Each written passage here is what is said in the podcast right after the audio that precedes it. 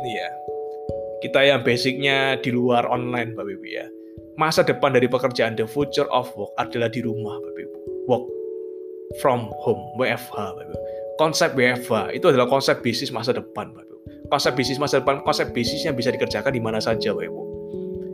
Jadi kalau kita kerjanya cuma bergantung lokasi, ya, bergantung dengan properti. Saya harus ada di kantor, saya harus ada di toko, saya harus ada di suatu tempat baru saya bisa making money. Wah, itu kabar buruk bagi kita kalau kita posisi seperti itu.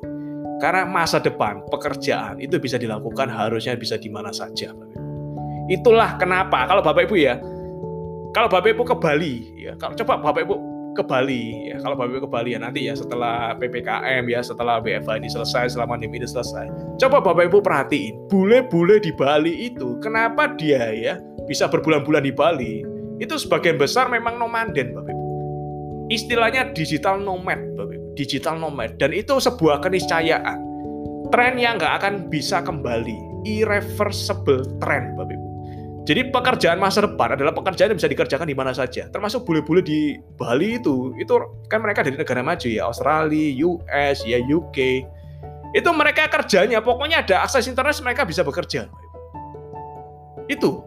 Dan itu yang seharusnya dilakukan, Bapak Ibu. Ya, itu seharusnya dilakukan. The future of work, Bapak Ibu ya. Nah,